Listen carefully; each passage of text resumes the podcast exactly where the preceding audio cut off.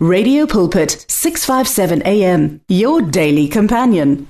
Kulohlelo lapho sithi khona mphatlalatsane ekseni kungolosihlanu ngilithathe leli thuba mlaleli ngikubingelele egameni elihle igama lenkosi uJesu Kristu.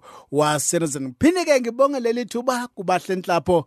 Bahle uNkulunkulu ke akubusise. Siyaqhubeka ke nendaba yethu ke mlaleli esithola lapha yana ke kuJohn chapter 11 iviki elendlule sigcine lapho uMaria efumene indaba ezimnandi zokuthi umfundisi ukhona kanti futhi uyambiza. Izwi lenkosi lithi ke ekufumaneni kwakhe lezi zindaba wavele waphuma ngejubane. Mlaleli bamkhuza amajuda bamkhuza bathi yeka lento oyenzayo uyasihlazisa mani? Mlaleli ngenxa ukuthi ke phela bashonelwe laba bantu. And uLazaro usengcwatshiwe futhi. Bamzilela mlaleli bamkhalisa. Kepha ke usushiya labo bantu abamkhalisayo ababaduduzayo. Uyabashiya mlaleli ngenxa ukuthi ke uthole indaba ezinhle uthole indaba ezithokozisayo uthole indaba eziligugu zokuthi uJesu ufikile mlaleli kanti futhi uyambiza. Wavele waphakama mlaleli. Izwi lenkosi lithi ke uma esefika kuJesu iBhayibheli lithi ke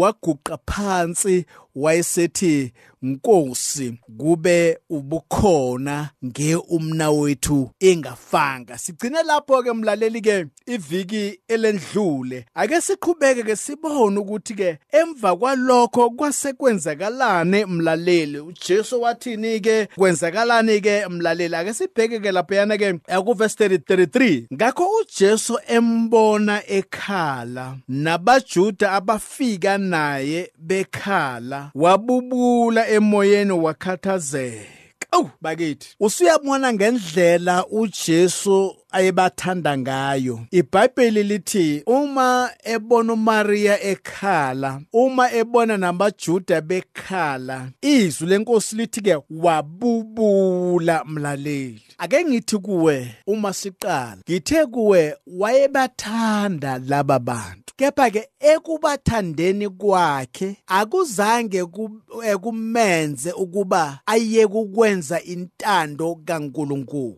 Ngabuza mlaleli ukuthi ke lezinto ozithandayo lokho okuthandayo kuyakwenza yini ukuba uyeke intando kaNkuluNkulu? Ngoba uJesu wayothanda lo mndeni ngendlela engakazi ibona kepha ekukubathandeni kwakhe akuzange kumenze ukuba angenzi intando kaNkuluNkulu. Usuyabona noma esebona uMaria ekhala esebona namaJuda bekhala izwi lenkosi lalithi ke wabubula mlaleli wabubula enhlizweni yakhe wabubula kuye ngenxa ukuthi wayebethanda. Kepha ekubathandeni kwakhe akumenzanga ukuba ayeke ukwenza intando kaNkuluNkulu. Ake ngibuze kuwe mlaleli ekseni ukuba usayenze yini intando kaNkuluNkulu? Noma ubheke lezinto ozithandayo? Ubheke lokho okuthandayo? Ubheke lokho okufisayo okukwenza ukuba uyeke ukwenza intando kaNkuluNkulu. Bese ngithi kuwe ufuze bani na? Ngoba uJesu uma ebhekene nezimo ezifana nalezi wena obhekene nazo akazange ayeke ukwenza intando kaNkuluNkulu. Kepha ke izwi lenkosi lithi ke asifunde kuye mlaleli ekwenzeni izinto. La iBhayibheli lithi ke kuverse 33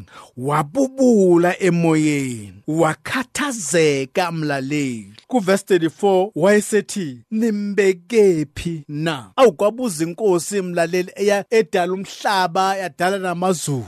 Isiyabuza ukuthi nimbekephi na? Mlaleli ngendlela mina ngibona ngayo akusho ukuthi ubengazi ukuthi ubekwephi ngoba izwi lenkosi ithi ke ukhona kuyo yonke indawo ngesikhathi sisodwa ngamamagama wayefuna ukuba bona baziphendulele bamkhombe la bambeke khona. Angamane nathi hayi ngangitshela ukuthi ngimbekephi ekuzontshela la nginibeke ha mlaleli ubuza nje uyazi ukuthi ubekwephi. Ubuza nje uyazi ukuthi ke uLazarus engcwatshiwe kuphi la mbeke khona? Hey kepha thina. Hey ngeke ukuthi sine pride eh eh ungangitshela ungangitshela ungitshela ngizokutshela mina ukuthi ekwenzakalani uzotshela yimi mina. Ah uJesu wathi ke nimbekephi ngamagama kumele kube yibona abasho ukuthi Jesu simbeke la nanti ithuna lakhe. Bathi kuye nkosi woza ubone. Ngakho ke abajuda bathi bheka ukumthanda kwakhe okungaka. Awu usuyabona ukuthi even nabajuda babona ngendlela uJesu areacta ngayo umlaleli waba munyu wabubula wakhathazeka.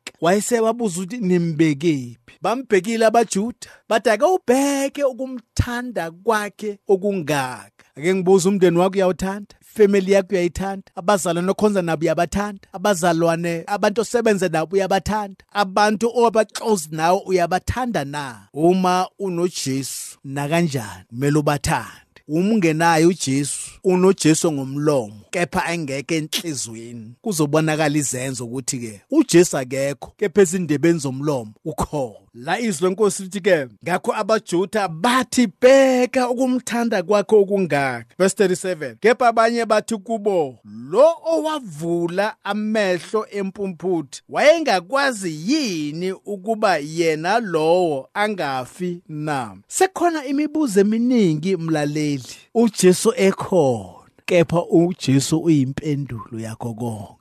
Ake ngiphinde ngisho umlaleli ngithi nathi amaKristu siyandlula emhlabeni. Ngakho ke uJesu uma ayovusa uLazaro ubengathi nathi sihambe sibavusa bonke labantu emathuneni eh sibavusa into ngoba izwi lenkosi lithi ke kubekiwe noma kumisiwe ukuthi umuntu afe kube kanye emva kwalokho kuba kwahluleka. Kanti futhi ngenxa kaAdam siyakhumbula umlaleli ukuthi uNkulunkulu wathi umoya wakhe angeke uzuhlale enyameni ukuya kuyile hloso kaNkuluNkulu ukuthi umoya wakhe uhlale kithina ukuya kuyile kepha ngenxa yesono ngenxa yokungalaleli ngenxa yokudukiswa uNkulunkulu wadabuka wathi umoya wami awusoze uhlale enyameni ukuya uyile. Ngakho ke mlaleli masingadideki. Why? Why umfundisi odumile ushonile? Why? Why mina ngiyakhathazeka?